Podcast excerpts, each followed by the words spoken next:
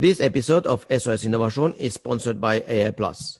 AI Plus is a new international conference with focus on the topic Applied Artificial Intelligence. The digital conference was held for the first time on 15 to 17th of September 2020, and the second edition is set to 19th to 20th of May 2021. Today we are uh, we are together with Kent Enge Monsen.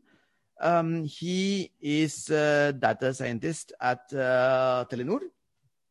Uh, I think it's Telenor Group, but he will uh, he will uh, clarify this a little bit better and uh, a little bit uh, more about himself. And um, Kent is going to hold a speech at the AI Plus conference 19th and 20th of May this year, 2021.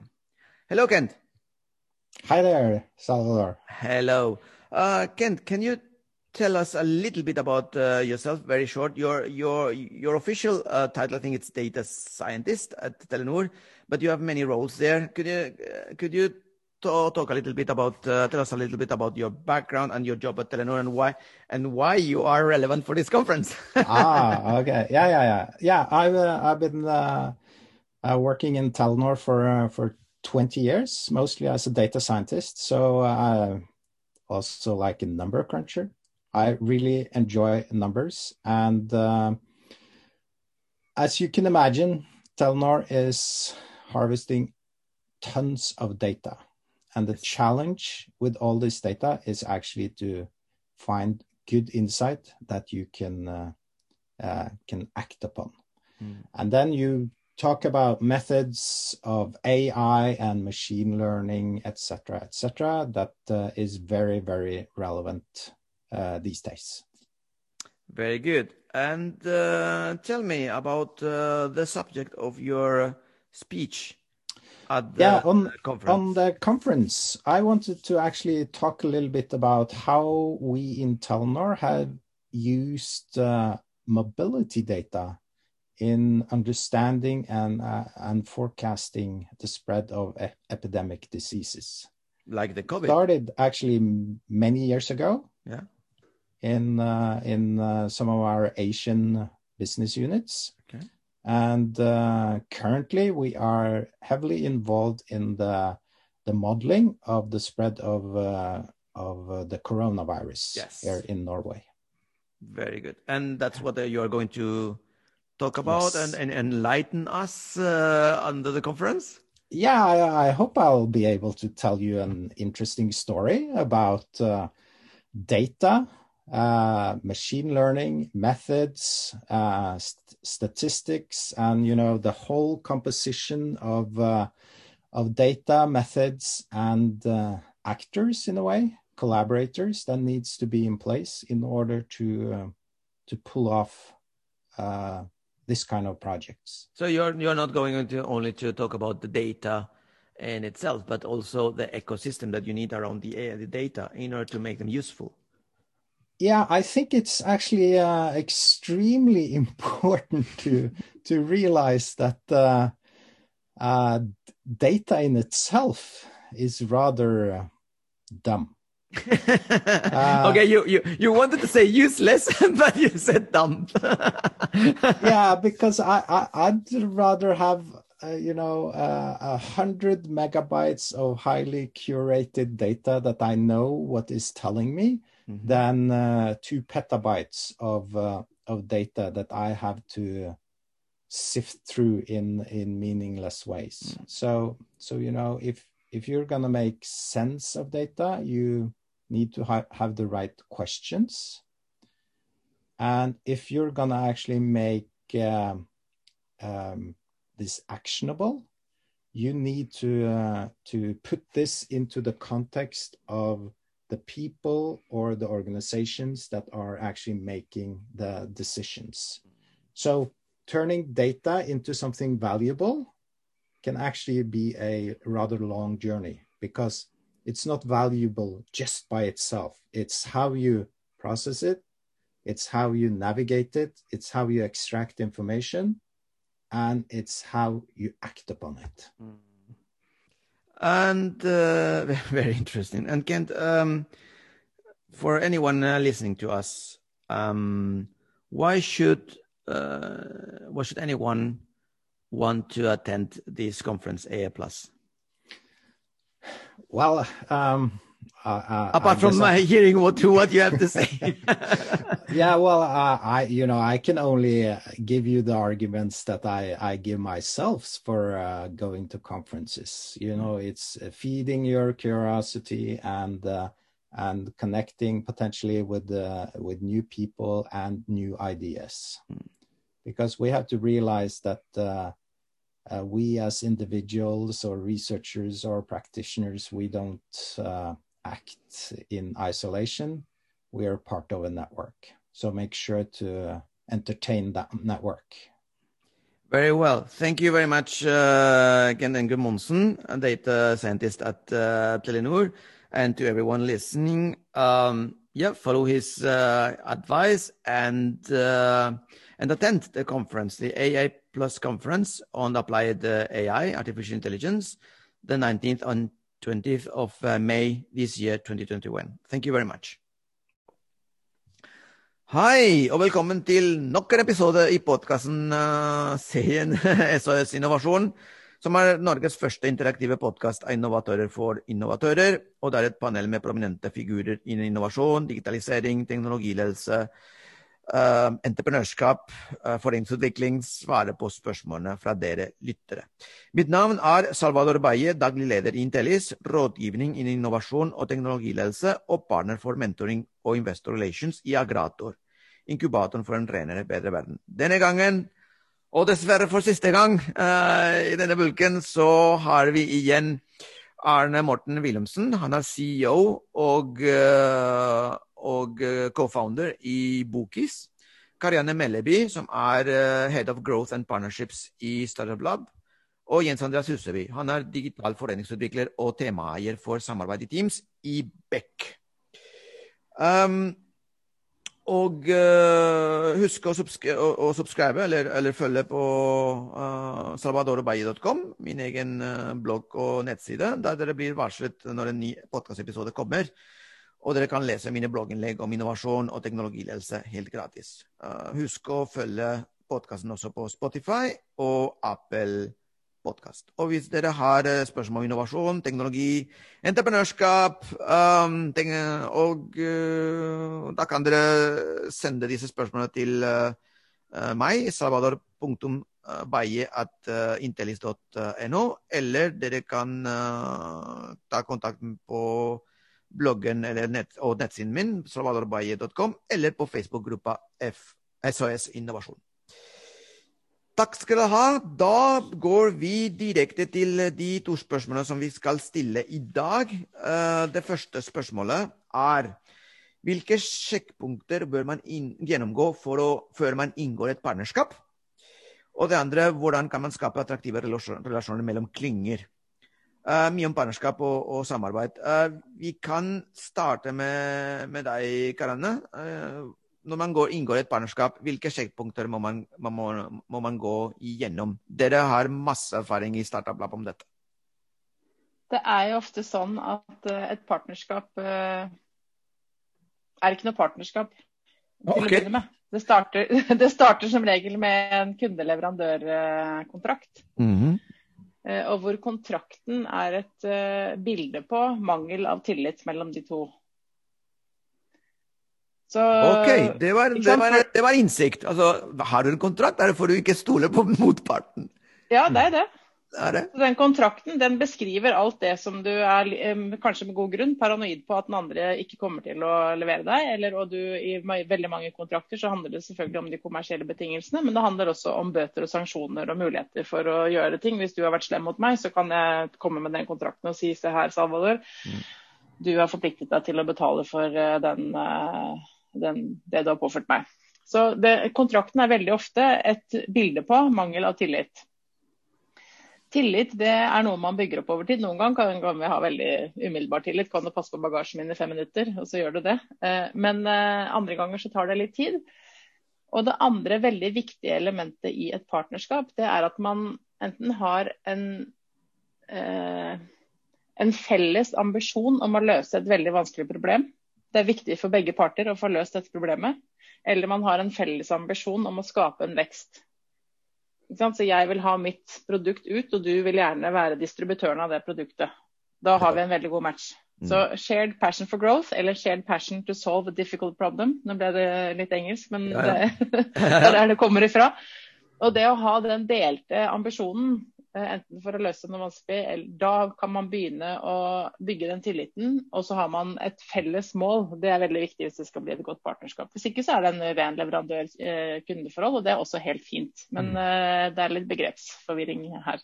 Ja, nettopp. Uh, bra. Så altså sjekkpunkter, enten en bra kontakt eller å vite at man har felles mål. Mm. Så jeg ser Jens Andreas, han sitter der og rister. Ja, ja, det, det, det, det, er ikke din krist. Det kribler. Ja, ja, ja. Karianne sier så mye bra, så det får meg det ja. om en, eh, jeg har, også en, Det er jo mange typer partnerskap, da, ikke sant? Og, og, og, det er jo ting å tenke på hvis du f.eks. er et gründerselskap og, og, skal inngå et partnerskap med et etablert virksomhet. Som power couple-variant, så har det spesielle betingelser. Men, men, det å legge det på tillit tror jeg det er en veldig riktig vinkling. Og det fikk meg til å tenke på et partnerskap eh, eller avtaleverk som jeg lagde i Avinor med eh, et, en annen stor virksomhet, og hvor vi, jeg og den på den andre siden av bordet, eh, vi innså begge to at vi, altså det vi gjorde sammen, var å kjøre et uh, lean startup-løp sammen, hvor vi utforska en kundereise uh, sammen. Og to mm. etablerte selskaper som da skal utforske et mulighetsrom. Eh, der var det mye, mis, altså mye mistillit i resten av organisasjonen, men vi klarte da å få på plass et rammeverk som litt sånn trinnvis tok eh, økte risikoen, og dermed også kunne vi legge inn sjekkpunkter senere for senere avtalestyrking. da. Sånn at vi beskrev bare først at vi utforsker dette sammen. Alt vi lager sammen er felles. Eh, begge er eh, åpne for å kunne trekke seg, men da beholder man eierskapet til det vi har lagd sammen.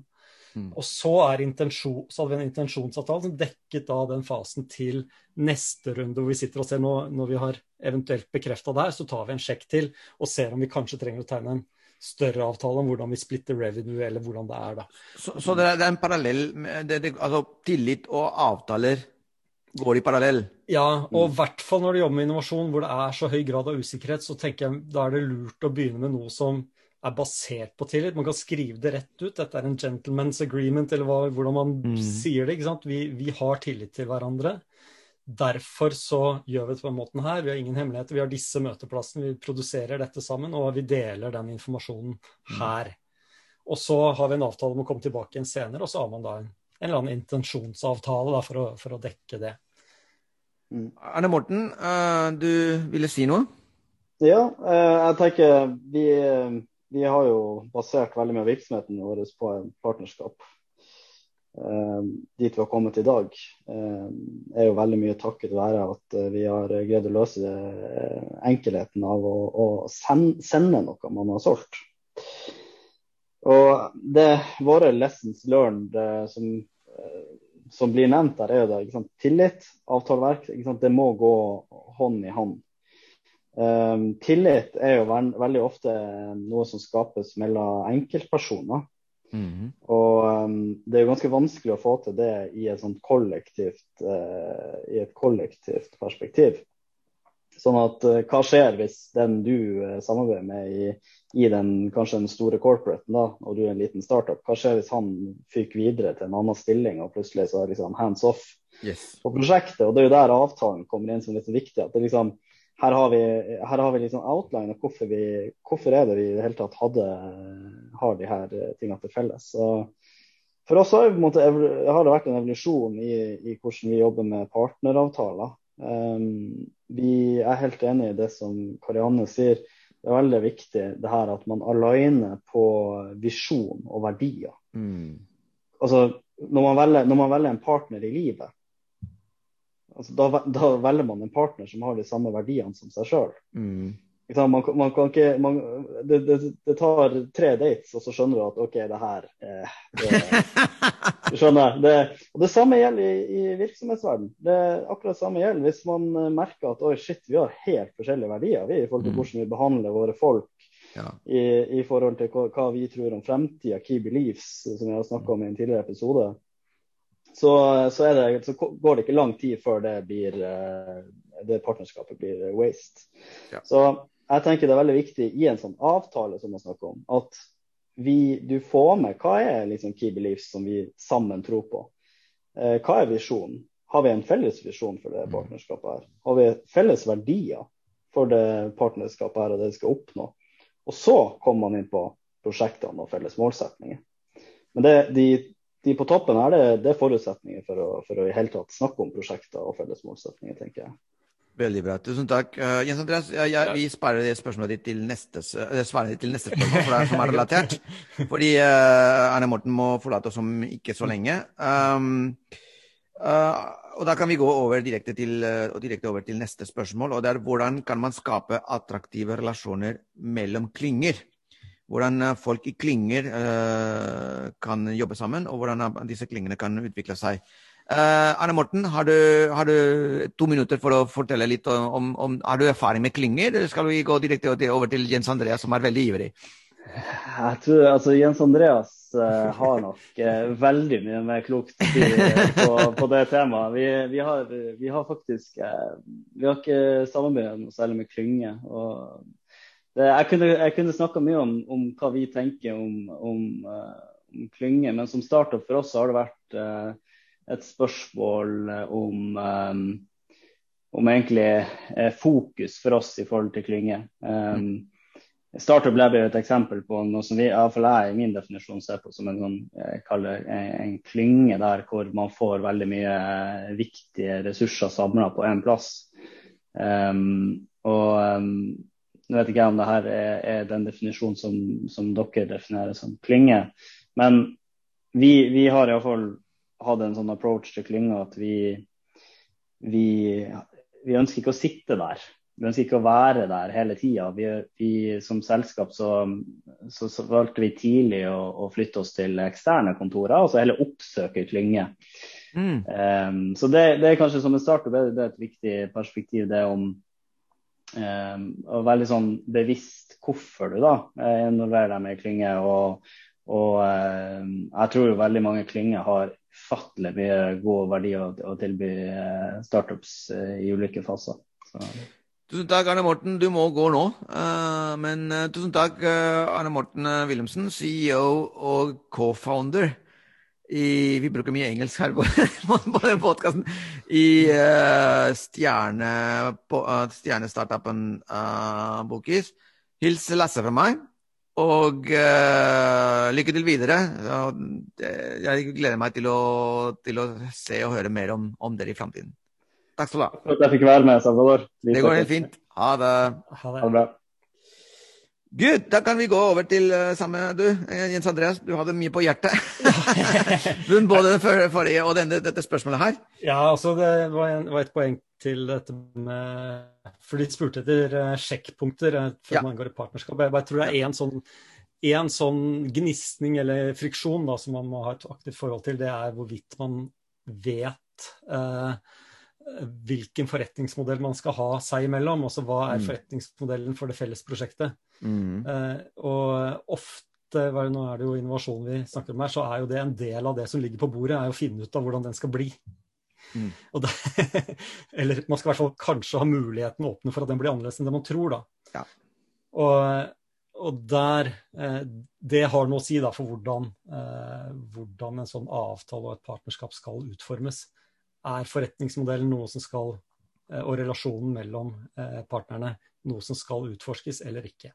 Men det er, det er, egentlig noe av det Ja, Karina, Karen, et sekund. Det er, det er, akkurat det som jeg mener at dette med det som med klinger og, og og inkubator, da, eller organisasjoner som Startup Lab, det er det, det, det, å fremme samarbeid basert på uh, tillit, kontrakter, uh, felles si, verdier, Um, og felles visjoner, det er, det er, nesten det som på en måte er utløsende for, for alt det gode som disse organisasjonene kan, kan bidra. Eller hva, Karianne, hva, hadde, hva var din Jeg tenkte jeg, jeg skulle legge til Jens Andreas sitt poeng at det er viktig at begge parter forstår hva som er driverne for den andre. Nettopp. nettopp. Ah, nettopp. Med, med, en gang det går litt butter imot hos motsatt part, så er det, da er det ødelagt. Mm. Ja. Da har man ikke noe shared passion for growth eller to mm. solve a difficult problem. Da mm. det, så da stopper det. Så det er veldig viktig å ha forståelse for det, sånn at man tidlig ser at oi, hvis vi går denne veien nå, så vil partneren min ikke ha lyst til å være med mer. Ja, nettopp. Mm. Veldig bra. Um, nå tror jeg faktisk at vi har gått uh, det, er, det, er, uh, det, var siste spørsmål i denne, denne bulken med dere uh, i panelet det var trist. Fordi det, vært, det, var en fantastisk uh, panel å ha med. Tusen takk, uh, Arne Morten Wilhelmsen, uh, CEO og, og co-founder i, i boken, som måtte forlate, oss for et par minutter siden. Karianne Melleby, Head of Growth and Partnerships i Startup Lab. Tusen takk for at du var, også var med. Og selvfølgelig Jens Andreas Huseby, digital foreningsutvikler og temaeier for samarbeid i Teams i Beck. Og hvis du vil vite mer om disse temaer, eh, eller du opplever en konkret problemstilling rundt eh, innovasjon, teknologi og entreprenørskap, bare ta kontakt med meg. salvadorbayet.com er bloggen og nettsiden min. Du finner lenken i podkastbeskrivelsen. Eller du kan droppe en mail salvador.bayetintelis.no Eller eh, ja, dere kan, du kan bare nå meg på telefon og whatever. Linken din er alltid åpen. Um, tusen takk igjen. Uh, og da skal vi gå over til, uh, til dagens featured. Takk skal du ha, Karianne, og takk skal du ha, Jens Andreas. Takk, takk. Ha det. Ha det. Ha det godt. Ja, hei. Og uh, denne gangen har vi en, uh, jeg vil si en veldig spesiell gjest, gjest som er Stefan uh, Thorvaldsen. Og uh, han er nå nylig blitt uh, administrerende direktør, eller vi skal si det fancy, det er CEO, i det nye uh, selskapet Building AI, som er en spin-off av si, et av de største konsernene i dette landet, som er Telenor. Og da vil jeg bare først hilse på deg, Stefan. Hei. Hei. Hyggelig. Hei. Ja, Veldig hyggelig å, å treffe deg igjen, selvfølgelig, som vanlig. Treffes på Stopp disse dager. ja, ikke sant. Og så, og så er det veldig Jeg syns at dette var veldig altså, spesielt interessant fordi uh, Building er en spin-off. En spin-off mm. av et uh, mye større firma. Mm. Og, uh, og, en beslutning som jeg syns er klok. Mm. Dette med å, å et, starte et nytt område utenfor mm. kjernen i et helt annet firma. Men mm. kan, du, kan, du, Stefan, kan du fortelle oss uh, hva Building er? Building AI er for noe? Ja, jeg kan egentlig begynne veldig raskt med å fortelle reisen. Som du sier, så er det en spin-off fra Telenor. Og vi starta jo med det her i 2018, faktisk. Egentlig kundedrevet, hvor flere kunder kom til oss og sa vi trenger innsikt i byggmassen vår. Vi trenger å forstå hvordan byggene blir brukt. Så sånn starta ideen med det som het smarte bygg i Telenor.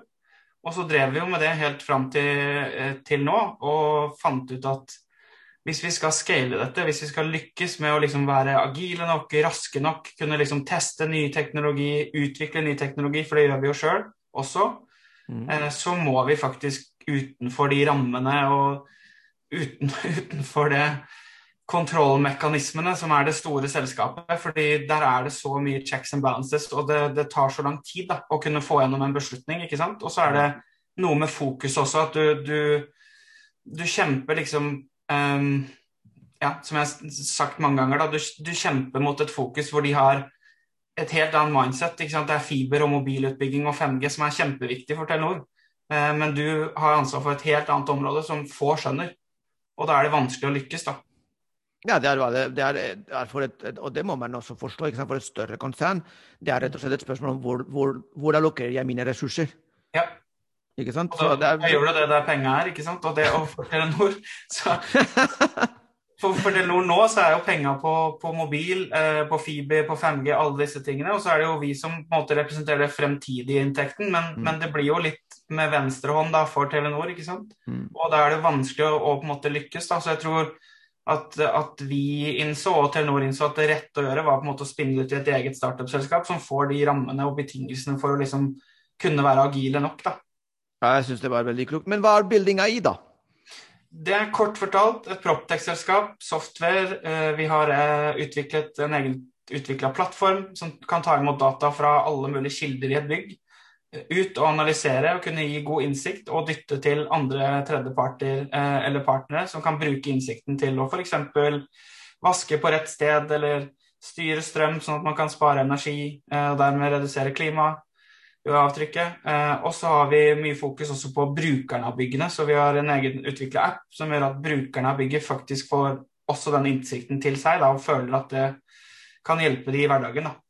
Så dere har en plattform med egne la oss si en, en plattform med egne applikasjoner, men dere inviterer også tredjeparter med, med, å komme med sine egne, ja. slik at uh, dere kan tilby en uh, altså kundene deres kan, uh, kan få et bedre, et bedre tilbud?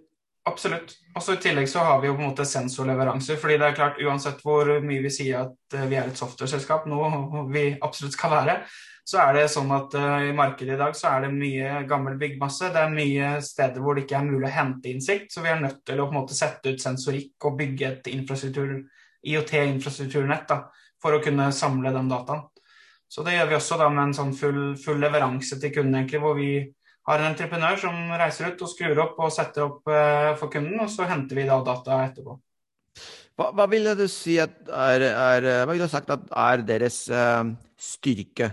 Er, uh, er, det, er, det, en styrke å komme, være en, en sånn, ha på en måte Telenor i ryggen? Um, har det vært en styrke å ha Telenor i ryggen, kanskje for å, for å kunne ha en, en sånn en sånn myk overgang til, eh, til, å være et selvstendig selskap. Eh, hva, hva, hva syns du at eh, deres styrke er i forhold til kanskje nåværende, men også fremtidige konkurrenter? Selvfølgelig har det, synes jeg det har vært en styrke å vært i Telenor. fordi dette går mye på IOT, det går mye på sikkerhet. ikke sant? Når vi snakker om å bygge opp interne i, i nett for å hente data. Og der er jo Telenor årevis med erfaring på hvordan dette kan gjøres. ikke sant? Og veldig fokus på sikkerhet. Og det, det er jo noe vi tar med oss videre. Og så er vi da i den heldige situasjonen at vi liksom i dette nye selskapet har med oss den kundebasen vi har opparbeida i Telenor på produktet. Så vi starter jo heldigvis ikke da på null. Vi er jo heldige der. Mm. Men jeg tror, hvis vi snakker om sånn generelt konkurransefortrinn, så tror jeg liksom markedet for, liksom øvrig, markedet Proptech, eh, er veldig prega av mye startuper som har fokus på enkelt use case, enkelt områder, som har masse smarte ideer. Utrolig mange gode ideer. Men for kundene da, som skal bruke dette, så er det liksom sånn skal de forholde seg til mange leverandører, mange plattformer, og, og klare å ta den innsikten, så blir det nesten umulig. Så jeg tror vår styrke er at vi kan hente data fra alle mulige kilder, jobbe med veldig mange av disse startup-selskapene, ta det inn og levere det som en helhetsløsning til kunden. Eh, og i tillegg at vi har det fokuset på de ansatte, altså brukerne av bygget, hvor vi kan tilby den innsikten ut til de da, i en app. så vi har liksom hele porteføljen. da. Nettopp. Så det dere, det dere gjør, er at dere prøver å løse det som jeg i hvert fall betrakter som den største utfordringen med IOT, mm. og det er fragmenteringen. Ja. Av mange, mange, aktører som ser for seg å levere fra A til Å uh, i proprietære uh, systemer. Og mm. dere, dere, gir en konsistens til alle disse tilbudene, disse tjenestene. Mm.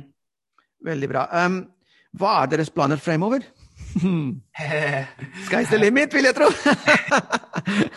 altså, akkurat nå så har vi jo veldig fokus på det norske markedet. Eh, så er det jo sånn at Den plattformen som vi har bygget, er jo fullt mulig å levere i alle mulige land. Så vi har jo en kunde på trappene i USA. Eh, yes. Men eh, Ja, så det er jo artig. Men, men på en måte primærfokus nå er det norske markedet, i hvert fall i inneværende år og, og mulig neste år. Og så får vi se En del av de kundene vi jobber med, er jo eh, nordiske av natur, på en måte, for det er store kunder. Så vet vi kanskje naturlig neste steg for oss er jo å ta Norden før vi tar verden. Mm. Uh, og der er vi også heldige i den Telenor-historien vi har. da vi, uh, vi, fortsatt også kan ha tilgang til de Telenor-ressursene som finnes i Sverige, Danmark, Finland. Uh, og som skal kunne komme oss inn i markedet og, og være synlig. Ja, og så er det sånn at jeg husker da jeg selv jobbet i Telenor i New Business, at uh, hvis man virkelig tør å satse og tør å tenke stort, så er ikke Asia en umulighet. Nei, absolutt ikke. Det er, det er, kult.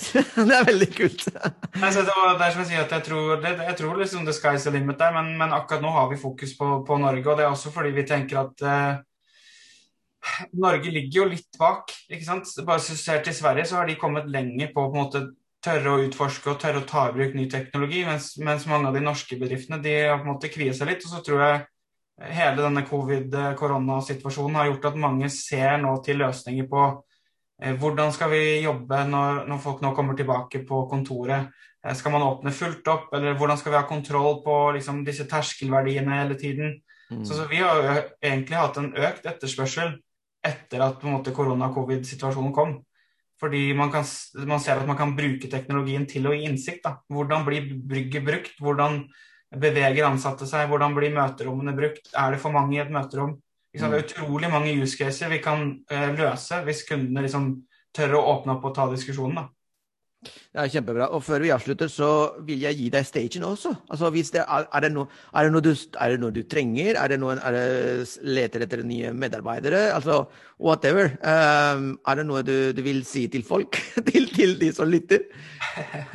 Altså, det er kanskje to ting. Det ene er jo når vi gjorde dette selskapet, så inviterte vi jo faktisk eh, industrielle aktører åpent, fordi Telenor ønsker jo på en måte å, å ha et samarbeid her. Så, så, vi leter jo etter potensielle industrielle aktører som ønsker å være med på eiersiden og være med på å liksom, eh, få til dette sammen, rett og slett. Få til den reisen. Så det er åpent for alle. Ta kontakt. Og selvfølgelig, hvis noen ønsker å diskutere noe med innsikt og bruke bygg smartere, så også ta kontakt. Veldig bra, veldig bra Stefan. Tusen takk for disse minuttene. Kjempespennende. Og det jeg, jeg, jeg, ville ønske deg lykke til, men det trenger du ikke. Kanskje. Um, tusen takk for disse minuttene, og vi ses sikkert snart. Dette er Norge. Det håper jeg. Ok, ha det. Ha det.